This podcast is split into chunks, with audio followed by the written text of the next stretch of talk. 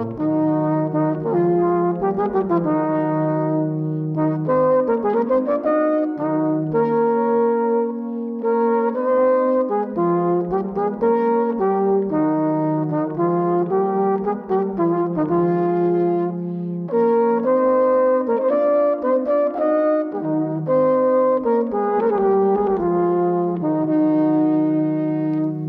uh, speel hier ongeveer 40 jaar bij de fanfare, denk ik.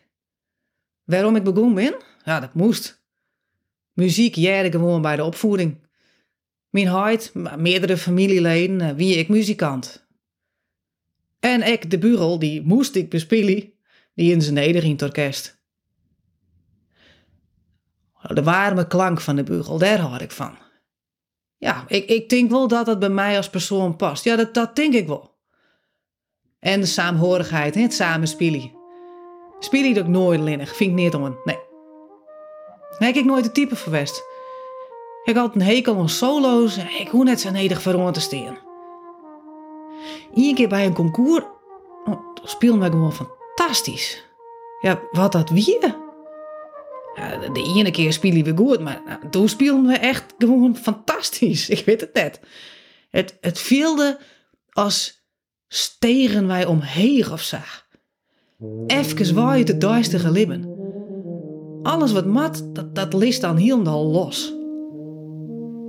Oh, en een andere keer toen speelden we het favoriete koraal van mijn broer. Ja, die temperie niet verstoren is. Ik, ik, en die, die ik bij het korps spelen. Ja. Oh, Zo'n fantastisch mooi stik vind ik dat. Ik kon het ik goed spelen. In het begin net, ja. Nee, nee, doe de krek verstommen weer. Ja. Zulke piekenvel momenten bleef je wel bij. Het spelen op bruloften, maar ik op uitveerten van oudere leden die het gaan binnen.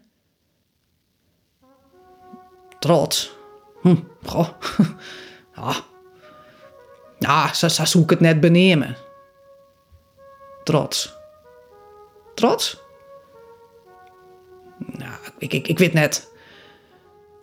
De muziek zit er echt insliepen. Ik, ik wil wel zo lang mogelijk spelen blijven. Nee, ik, ik ga er nooit tochten ophouden. Ik ben trossetter. Us huid die speelt het nog heel tijd. Hij is huldiger, doet er 60 jaar spelen.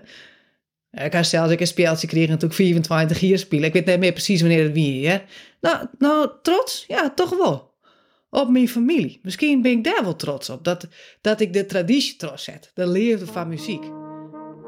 Mijn zoon die draait braasmuziek op Spotify. Zelfs op de toestel.